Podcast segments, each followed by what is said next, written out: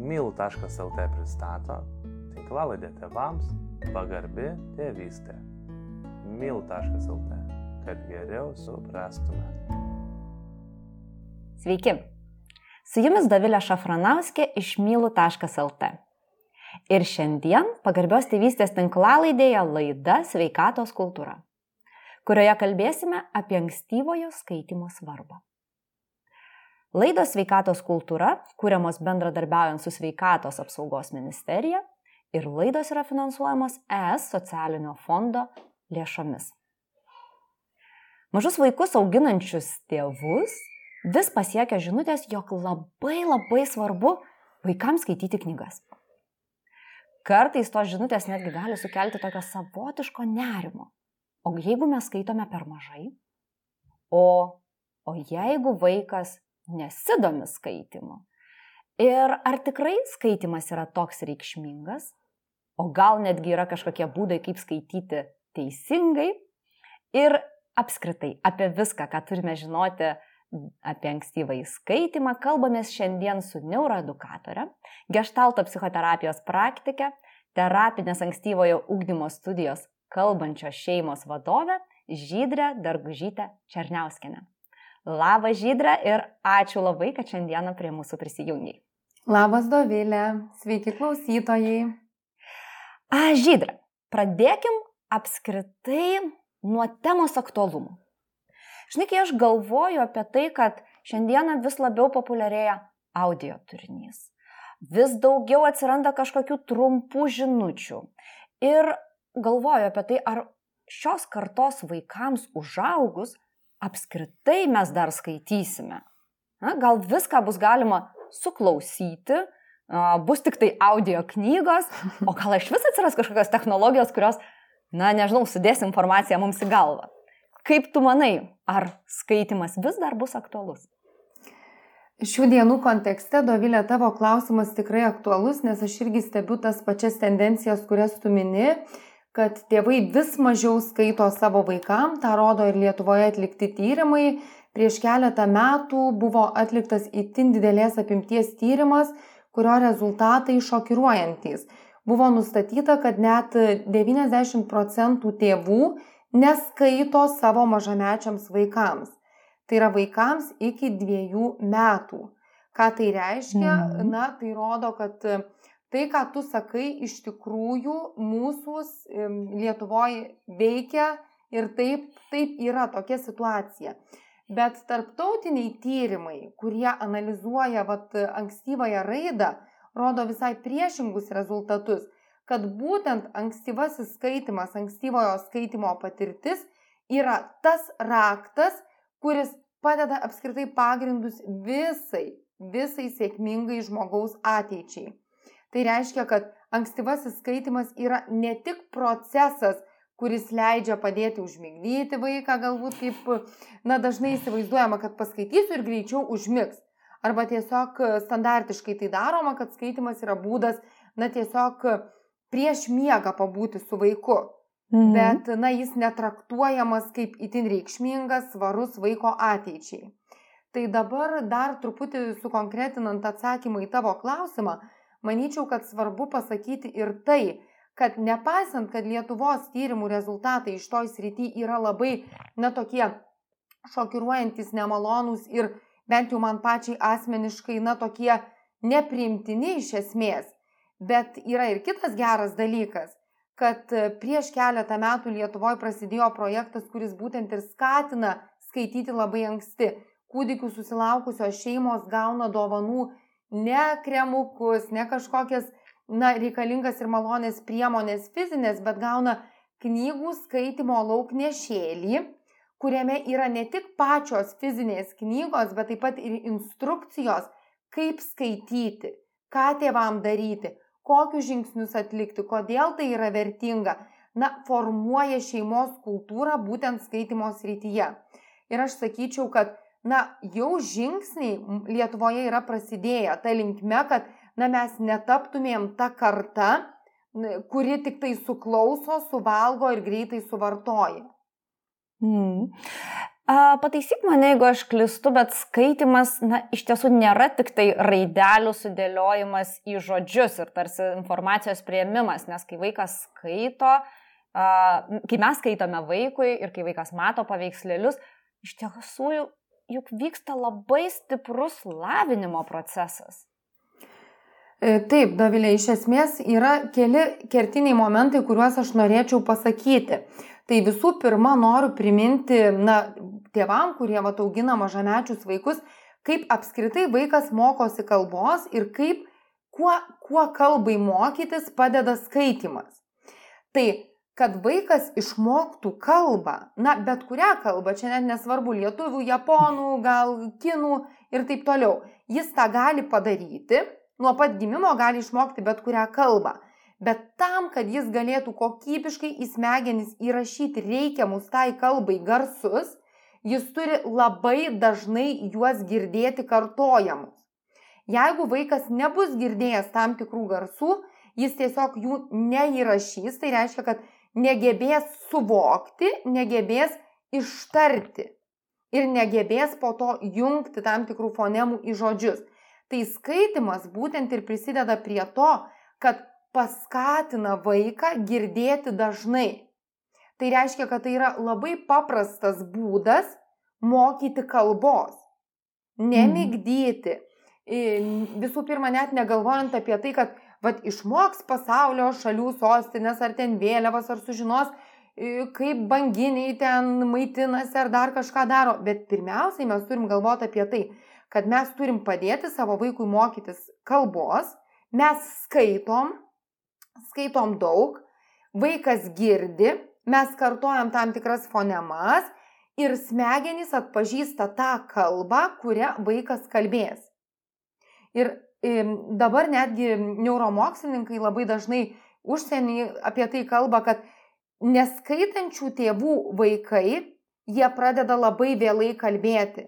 Arba kalbėdami, jau kai pradeda kalbėti, susiduria su ypatingais sunkumais mokydamiesi kalbos, naudodami tą kalbą.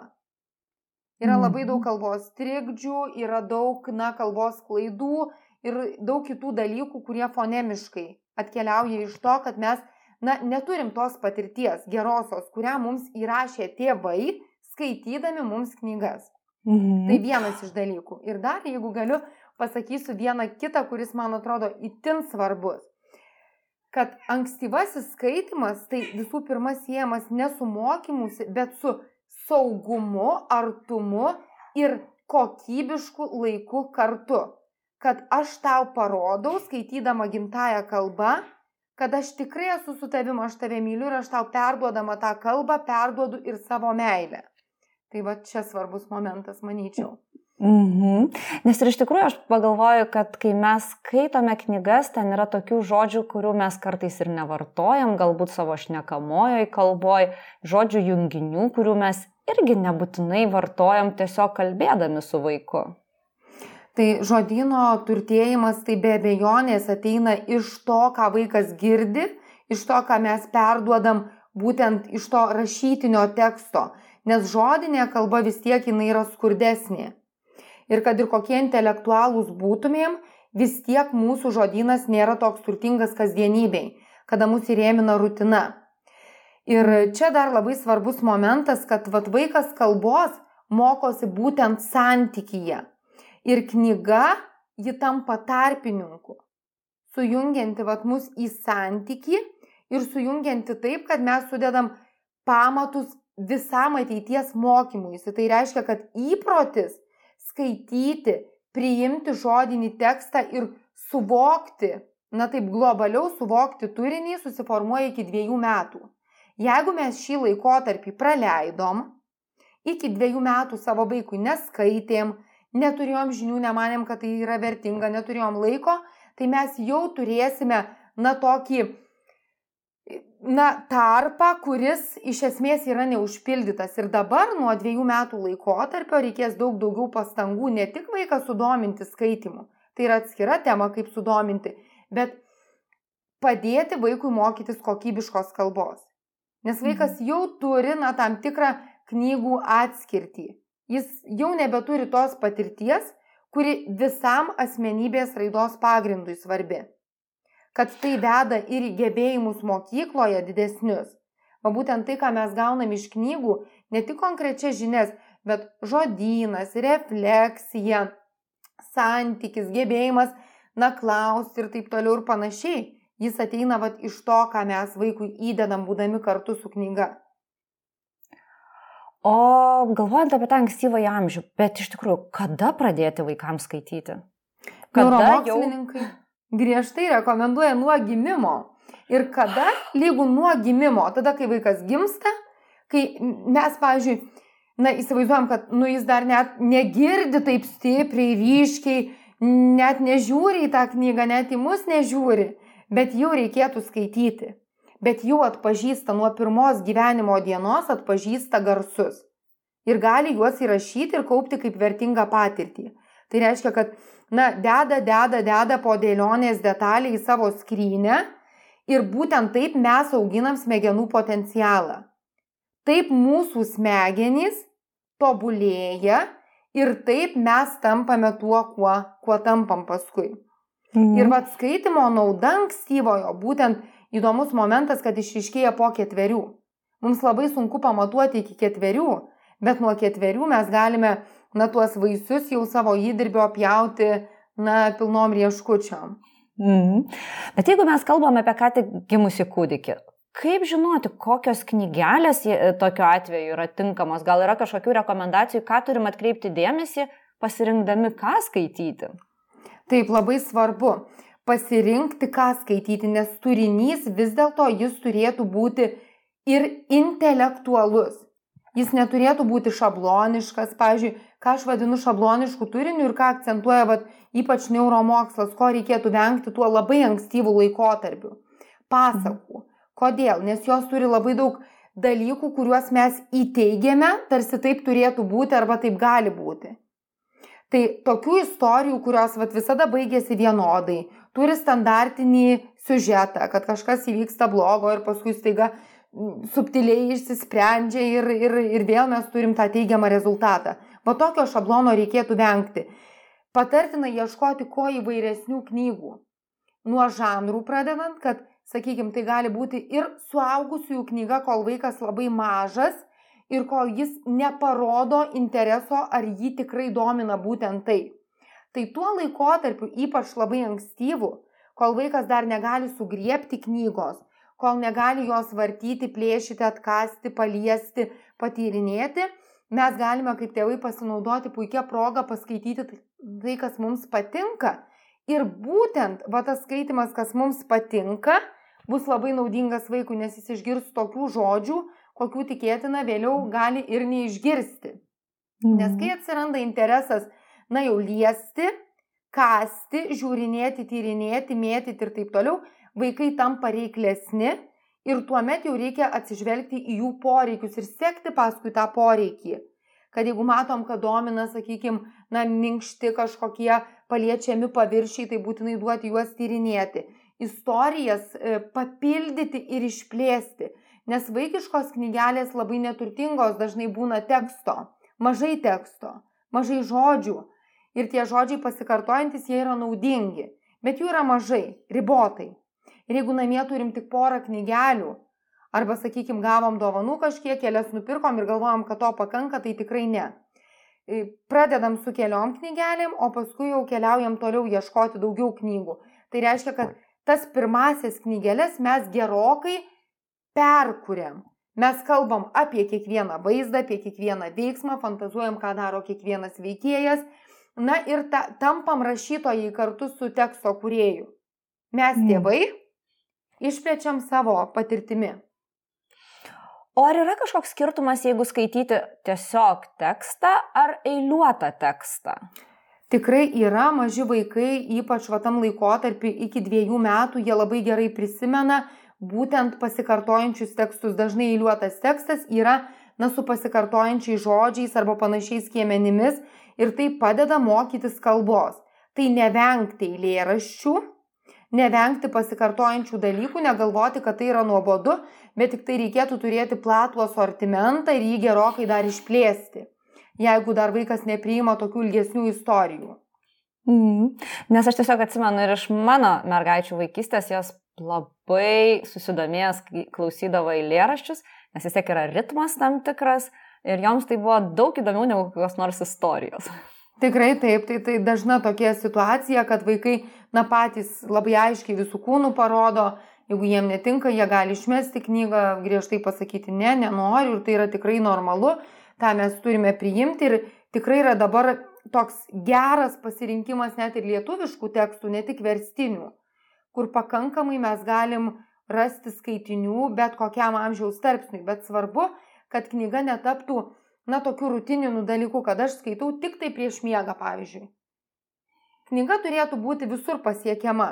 Gal paskaitom, kol vaikas sėdi vonioje ant puoduko, gal paskaitom, jisai vonioje maldos, o mes prie vonios krašto pritupėm su knyga, parodom kelis paveikslėlius leidžiam gal paliesti, jeigu knyga nešlampa, kažką aptariam, padedam knygą, vėl užsiimam kitais reikalais, kad tai turėtų būti integruota į rutiną. Na, nesijama mm. tik su vienu veiksmu. Gali tai būti siejama, bet iš esmės, jeigu norim tą patirtį skatinti stipriau, tai jinai turi būti visur pasiekiama. Virtuviai, vonioj, tualete, e, nežinau, žaidimų kambarį. Ir tos lentynėlės turėtų būti žemos, kad pats vaikas vat ateina ir pasiima knygą. Net jeigu neskaito, tai tiesiog ją pavarto, pasigroži, gali vėl padėti arba tėvam atnešti ir kad vaikas visą laiką galėtų rinktis. Ir labai geras būdas anksti žingsniuoti į bibliotekas ir ten vat, tą patirtį savo skatinti, ją taip įtvirtinti, nes tai atsiranda, na, toksai kaip pasididžiavimas savimi, kad vat, aš galiu įsirinkti, aš pasirenku, aš pasiskolinu, aš atiduodu, aš čia tiek perskaičiau, Na ir tikrai dviejų metų vaikas jau gali keliauti į vaikų skyrių ir ten dabar ir infrastruktūra tikrai būna puikiai pritaikyta, kad be tėvų galėtų paliesti ir parodyti, kad va šitą man knyga patinka. Mhm.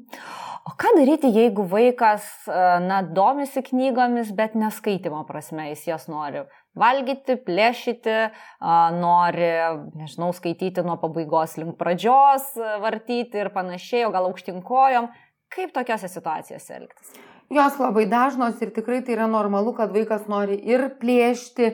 Aišku, bibliotekos knygas turim saugoti, bet turim turėti ir tokių knygų, kurias galim leisti, kurios nėra itin vertingos, labai brangios ir kurių mes nu nesaugom taip jau itin preciziškai, kad jau drebėtumėm dėl kiekvieno puslapio. Tai yra normali patirtis ir ji būna, bet čia aš sakyčiau vis tiek iš to, ką aš pati savo motinystėje patyriau ir iš to, ką matau kitose šeimose ir iš to, ką skaitau ir kaip, nu, kaip tą temą gilinu, tai vis dėlto čia yra mažas tėvų įdirbis. Vis tiek trūksta to suvokimo, kas iš tikrųjų yra knyga, kad ji gali būti man įdomi. Jeigu, pavyzdžiui, tėvas ar mama rutiniškai tik tai paima knygą ir kaip prievolė, dabar viskas, miego laikas, guli ir aš tau skaitau, imu knygą ir skaitau, užsidengiu ją veidą, tu gulėk, nieko neklausk, nieko nedaryk, aš vat suspaudęs tą knygą laikau arba bandau tik kuo greičiau skaityti, kad tik tai vaikas netrukdytų, nieko neklausinėtų, nes jeigu klausinės, tai gali ilgai neužmigti. Užduos daug klausimų, tai reiks atsakyti, reiks diskutuoti ir tai trukdo procesą.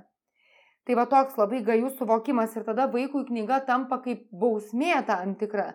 Jis nenori knygos matyti, nes yra nuobodu. Jeigu dar istorija neįdomi, jeigu dar, pavyzdžiui, balso tembras koks nors monotoniškas, gal net piktas, gal su erzuliu tam tikru. Tai va, tai čia reikėtų, na, tikrai nusiteikti, kad ieškau pirmiausia ir man, kaip mamai, kaip tėčiui įdomios knygos. Jeigu aš domiuosi istorija, tai gal kažkokie su vaikų istorijos elementais, jeigu gamta, gal su gyvūnais ir taip toliau. Na, kad visų pirma ir tėvai turėtų interesą. Nes kai įdomu mums tėvams, tai tikėtina, kad daug daugiau įdomu ir mūsų vaikams. Nes jeigu aš skaitau tik dėl to, kad man reikia skaityti, ar įsivaizduoju, kad tai kažkuo padės, tai greičiausiai ne, bus atmetimas. Ir va čia svarbu, kai aš jaučiu malonumą pati skaitydama ir man pačiai smalsu, kągi čia tas autorius naujo parašė, kokios čia tos iliustracijos, tai mano balso intonacija visai kitokia, akis kitokios, aš kitaip paimu tą knygą ir su kitokia intencija einu į santyki su vaiku. Tai tu tam tikrą prasme sakai, kad mes rinkdamiesi vaikiškas knygelės turėtumėm šiek tiek atsižvelgti ir į savo interesus, į tai, kas mums yra smagu, ne? Tikrai taip, ypač dar tada, tuo laikotarpiu, kai vaikas aiškiai neišreiškia. Kai jam, pavyzdžiui, ir ši knyga patinka, ir ši patinka, ir tada mes tėvai turėtumėm įjungti savo, na, tokį kokybinį matymą. Nes, pavyzdžiui, kai mes nueinam į parduotuvę, tai paskaitom kartais ir produkto etiketės, ir pažiūrim, kad sudėtis galbūt būtų produkto geresnė. Tai renkantis knygas vis tiek reikėtų domėtis tą knygų rinką kažkiek. Pažiūrėti, kur yra ta tikrai literatūrinė kokybė ir dar meninė kokybė, nes labai daug kartais vaikiškų knygučių yra su, na, itin prastom iliustracijom, kurios, nu tikrai tokios net, ne, net neskatina žiūrėti tą knygą. Tai vad viskas turėtų būti tokioj daugiau mažiau dermėje. Ir tada mhm. vaikas labai greitai išlavina savo estetinį skonį, stilių būtent knygoms. Ne tik tekstui, bet ir vaizdui. O grįžtant dar prie teksto, pats skaitimas, kaip mes turėtumėm skaityti? Ar yra kažkokių patarimų, galbūt tempui, tembrui, ką mes turėtumėm daryti, kur pauzės daryti ir panašiai.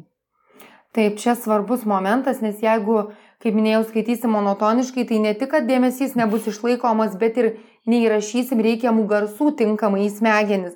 Tai va tuo ankstyvojų laikotarpiu nuo gimimo iki vienerių metų ypač, kai vaikas dar tik mokosi pirmuosius garsus transliuoti, mums labai svarbu paryškinti tam tikras fonemas daug kartų pakartoti. Pavyzdžiui, jeigu parašytas sakinys myliu tave mamytę, tai mums neužtenka pasakyti myliu tave mamytę, kur viskas susilieja tarsi. Ir myliu tave mamytę, trys žodžiai tampa vienu kūdikiui. Jis nebeišskiria, kur žodis prasideda, kur baigėsi. Tarsi mes mhm. kalbėtumėm arba klausytumėm dabar japonų kalbos, jos nemokėdami. Mes negalėtumėm suprasti, kur žodis prasideda ar baigėsi. Tai lygiai taip pat vyksta ir su kūdikiu. Mes turime pakartoti, pažiūrėjau, į myliu tave, myliu tave. Ir daug kartų ir tą patį žodį pakartoti žiūrėdami į akis. Ir gal prie kūno prisiliesdami, kad sukurtumėm santyki, kad susijėtų vat mūsų rūpestį dėmesį su tam tikru garsu. Tai vad kartojam tam tikras fonemas. Atskiras. M, m, m, m, m, m, m, m, m, m, m, m. Į myliu ir paryškinam. Tai pirmas dalykas. Antras dalykas - neskubam. Keičiam balso toną, tembrą, intonacijas, tempą. Myliu tave, mamytė, myliu tave, mamytė. Myliu tave, mamytė. Ir va taip mes žaidžiam su tekstu. Tekstas turi tapti gyvas. Ta sakinį mes tarsi perdirbam, kaip kokią tešlą perminkom savimi. Tai va, e, paryškinam fonemas, keičiam balso tembrą, tempą, intonacijas, net mimikas įjungiam, jeigu reikia, žiūrim į akis, prisiliečiam prie kūno. Ir kitas dalykas, mes šiek tiek įveiklinam tekstą, tai reiškia parodom tam tikrus žodžius, ką jie reiškia, jeigu myliu, tai gal širdelę parodom. Jeigu, pavyzdžiui, labai noriu, tai suspaudžiam kumščius, pašokam, labai noriu kažko. Ir mes tada, vat, per save mokom, ką reiškia tas konkrečiai žodis. Ne tik įrašom, kad yra toks žodis, kad gebėtų jį ištarti, ištransliuoti, bet dar iškart ir kokybiškai dirbam. Ir čia gal atrodo sudėtinga, tikrai nereikia kiekvieno sakinio taip žaidinti. Galima, pavyzdžiui, puslapį perskaitom, gal ten septyni sakiniai, pavyzdžiui, mažoji vaikiško knygeliai. Apskritai septyni sakiniai visoje knygoje. Tai mes pasirenkam du ir išmokom kelių naujų dalykų. Kelias prasmes pavaizduojam, ką reiškia ir paskui kelias fonemas paryškinam ir pažaidžiam su tempu ir tembru ir tonu. Va tokie mhm. trys dalykai. Tai čia toks, žinai, kaip perskaitau knygelę, yra gana ilgas procesas. Na taip, gali būti ilgas, jeigu mes iš tikrųjų nuoširdžiai ją skaitysim. Jeigu ir iliustracijas aptarsim. Apie iliustracijų aptarimą truputėlį gali gal mhm. paplėtoti. Čia va labai svarbi tema. Daug kas galvoja, kad reikia, na taip tiesiog truputį duoti vaikui pažiūrėti, jeigu jisai jau pa, pajudino ranką ir, pavyzdžiui, mes skaitom, vakaras įsivaizduokim, nes Kodėl pasakoju apie vakarą, nes tikrai žinau, kad daug šeimų skaito būtent vakare. Grįžta iš darbų, nurimsta vaikas ir tai yra tikrai neprastas metas. Tik priklauso, kaip mums tai pavyksta padaryti. Tai va, jeigu vaikas jau pajudino mūsų ranką ir, pažiūrėjau, mes nelaikom visą laiką prieš vaiko akis, jeigu ilgesnis tekstas, tai tėvai galvoja, va, parodysiu ir viskas, netrukdys, skaitau, skaitau toliau. Tai ne. Iliustracija yra lygiai tokia pati svarbi kaip ir tekstas ir kartais dar daug labiau iškalbingesnė vaikui ir nešanti daug daugiau suvokimo negu patys žodžiai. Tai jau iliustracijas visas išnagrinėja. Aišku, nepirždami kaip tėvai savo nuomonės, ką kas turi sakyti ar daryti, mes pasakom apie tai, bet tarsi su tokiu ir nežinojimu, kad va, manau, kad čia lapė galbūt nori pajudinti vilkui uodegą, kad šis jau greičiau judėtų ir netrukdytų, nebūtų kelio užstojęs. Bet nesakom, kad būtinai toks variantas ir tada pasiūlom dar tris kitokius, kad vaikas suprastų, kad tikrai nėra vienos tiesos. Ai, o gal čia dar tas? Arba, hm, man kilo mintis, gal čia yra apie tai. Ir tada paklausiam būtinai vaiko, kaip tu manai, ką čia ta lapė daro. Ir vaikas gal neatsakys, nes dažnai, kai mes klausiam, tai negaunam atsakymo bet jis supras, kad jo atsakymas yra svarbus. Ir jeigu manęs klausia ir dar paklausęs tėvas ar mama palaukė, tai yra dar svarbiau. Tai va, tai iliustracijas reikėtų visas išanalizuoti. Tai geras būdas mokyti spalvų, geras būdas mokyti naujų žodžių, geras būdas pastebėti matematiką, kokios formos figūros, kaip kas išdėliota, erdvinę kalbą palavinti, kas už ko, kas ant ko, kas prie ko ir taip toliau. Mhm. Tai čia taip labai, labai viskas iš tikrųjų kompleksiška ir labai daug atrodo iš tos mažos knygelės galima naudos gauti. Nutikėtina, nes paskui mes galime pradėti ir mokytis tam tikrą tekstą mintinai paimti dvi eilutes ir jas paskui jau kartoti namuose be knygelės. Pavyzdžiui, supame vaiką ant supinių ir ten sako, myliu tave mamytė, myliu tave kačiuk ir ten kažką kuriam toliau. Tai va iš tos knygelės paimam atkarpėlę, kurią prisimenam ir paskui galime ją mokytis arba galime kurti toliau patys. Mhm. Nes tai naudinga susijęt, kad va, tai veikia net kai aš rankose knygelės neturiu. Mhm. O dar toksai klausimas. Labai dažnai a, tėvai pastebi, kad vaikai tarsi įsimylė vieną knygą ilgam. Ir yra kažkokia knyga ir vaikas vis ją atneša ir atneša ir atneša tėvams. Ir kodėl taip vyksta, iš kur atsiranda tas įsimylėjimas? Mhm. Greičiausiai iš to, kad vaikam labai kažkas artima patyrimiškai, jie kažką atpažįsta apie save, apie savo šeimą, apie savo darželį, apie savo senelius. Na, perkeltinė prasme, galbūt kažkas susijungia, susisiję, gal įsimylė iliustracijas, bet tai atsitinka apie antruosius metus dažniausiai. Vėliau kai vaikas jau pereina tai, su tuo svarbu irgi išbūti. Neskubėti, nesakyti, kad ištraukti iš rankų jau skaičiau tau penkis vakarus iš eilės, tikrai neskaitysim. Dabar imkim Pepe ilgą koinę būtinai, nes jau ta knyga apie zuikį jau man, na, tiesiog įsipykusi. Tai svarbu išbūti, nes vaikas rodo, kad jam reikia būtent to. Ir sakyčiau, kad kokį mėnesį, du kartais, net tris galime leisti savo tokią prabangą būti su viena knyga. Aš irgi esu susidūrusi su šitą situaciją ir žinau, kad jinai paskui labai daug davė. Ir jos, kai vaikas tikrai išbūna, išdirba tam tikrą savo temą, labai lengvai pats atsisako. Tikrai nereikia atiminėti. E, tai dar kitas momentas, ką su tuo daryti, kai jau tėvam patiem labai na net koktu prisiliesti prie tos knygos, nes jau tiesiog erzulys ima, kad tekstas pažįstamas, mintinai išmoktas, jau knyga suplyšusi, sudylusi, nudriskusi, jau tiesiog vos puslapiai laikosi. Rasti būdų, kaip dar ją pasižiūrėti. Tai pavyzdžiui, galime nebeskaityti pažodžiui to teksto. Na, kartais vaikas piktinasi ir reikalauja pažodžiui, nes jau pats moka ir kai pakeiti, pavyzdžiui, arba aš pakeičiu, tai, na, tikėtina būsim sugražintos ir pasakyta, kad ne taip čia turi būti parašyta, ne taip skaitai. Bet jeigu vaikas to nesako, mes galime irgi įnešti savų prasmių. Perkurti tekstą vieną pastraipą taip, o kitą vat kažką apie iliustracijas, kažką apie tai, kaip mes norėtumėm, kad būtų arba kaip norėtumėm matyti. Ir paskui kaip gal svarbus momentas, kaip iš to išeiti, nes dažnai tėvai tame ir užstringa. Ir, pavyzdžiui, aš pažįstu šeimą, kuri nuo gimimo iki šešerių metų vis dar tą pačią knygą skaito. Wow. Tai ir, ir niekur kitur nepajudėjo. Tai tokie atvejai labai reti, manyčiau, bet, na, bet jų būna. Ir čia svarbu tėvam įjungti samoningumo mygtuką, kad reikia vaikui kažkokios kitos patirties išjudinti jį. Gal nueiti į lėlių teatrą, spektaklį pasižiūrėti ir surasti knygą apie tam tikrą veikėją. Nu, pavyzdžiui, jeigu buvo ten pasakos apie gyvūnus ir nuėjom patiko koks lokys, einam į knygyną, ieškom knygos apie lokį.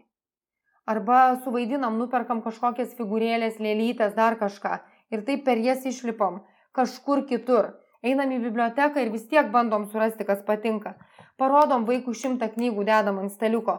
Gal šitą, gal šitą, gal šitą, gal tą. Ir vis tiek vaikas, na, kažkur turėtų parodyti tuos ženklus, kad jam yra įdomu. Labai dažnai vaikui yra patogi tokia patirtis. Pažįstama, saugu, nieko nereikia daug galvoti, e, nei gilintis, nei įsisavinti naujas prasmes, nei naujus žodžius, nes kartais vaikus suerzina net pasikeitusi sakinio struktūra.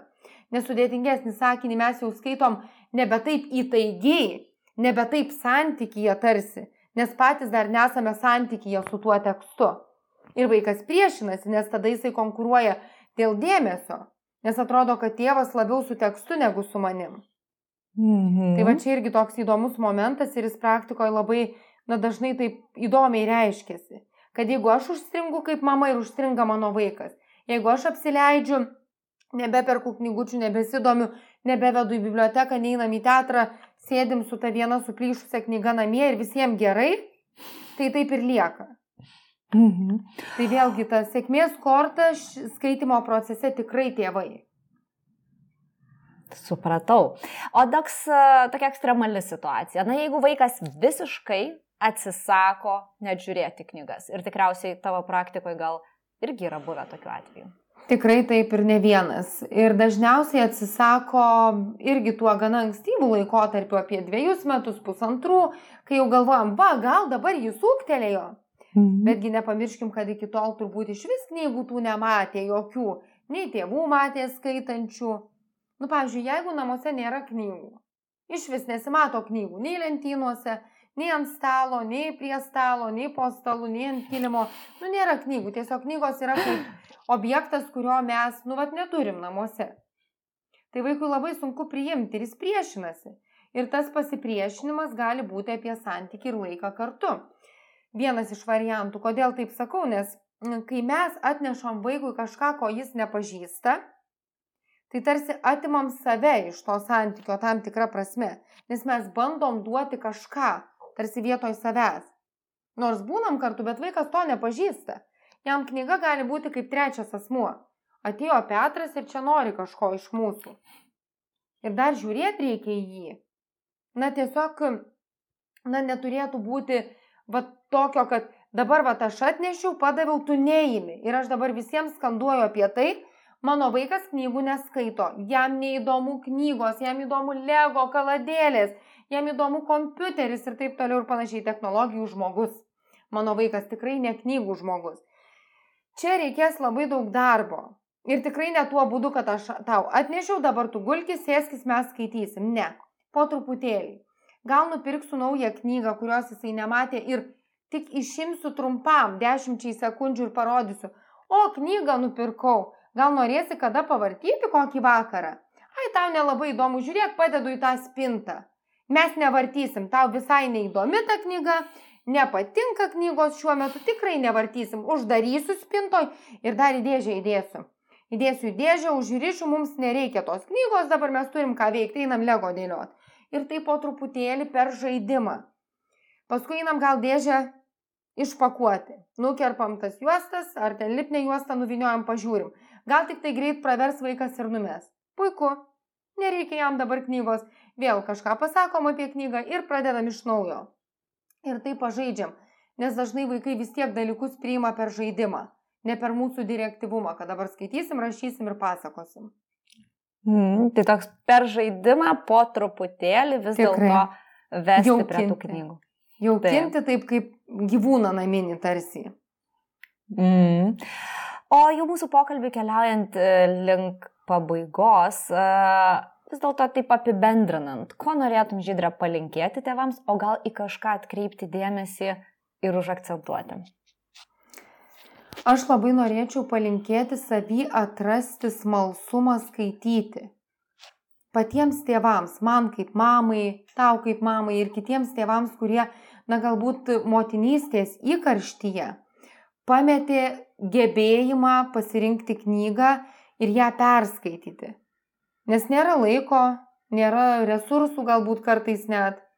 Tai va aš linkėčiau tą smalsumą tyrinėti, kurį jisai veda ir pradėti po truputį patiems atrasti knygas. O atradus tada jau vaikus vesti į knygų pasaulį. Ir labai svarbu, kad e, na, tas procesas jis būtų nestatiškas, tai linkiu žaismingumo. Žaisti knygas, būti su knygomis, miegoti su knygomis, jas jaukintis, eiti į bibliotekas ir tiesiog, na, gal apskritai dar paskutinis būtų toks kaip paskatinimas, kad atrasti apskritai skaitimo naudą, domėtis apie tai, kas dabar yra ištyrinėta, atrasta, sukurta, kągi iš tiesų duoda mūsų ateities potencialui. Mhm.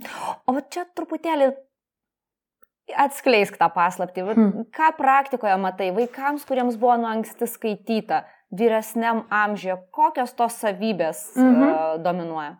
Tai iš esmės dominuoja pagrindinės savybės kūrybiškumas, gebėjimas reflektuoti, tai reiškia suprasti tekstą plačiau, su juo dirbti, kelti klausimus, analitiniai įgūdžiai stipresni, geresni matematiniai gebėjimai, turtingesnis žodynas, didesnė empatija. Čia vat yra tie pagrindiniai momentai, kurie jau tyrimai su didelė imtim ištestuoti ir juodo ant balto užrašyti. Bet aišku, yra daugybė kitų dalykų, kad, pavyzdžiui, gebėjimas skaityti pačiam trečioje klasėje nurodo, kaip apskritai seksis mokslai ir na, tas akademinis gyvenimas ateityje. Pagal tai, kaip vaikas skaito trečioje klasėje, iš esmės yra aišku, kas bus toliau. Mhm. Taigi, žodžiu, naudų ankstyvojo skaitimo tikrai apstu, gausu Ir ką? Einam skaityti? Einam. Ačiū labai Žydrė už pokalbį, ačiū visiems, kas klausėtės. Ačiū iki. Iki.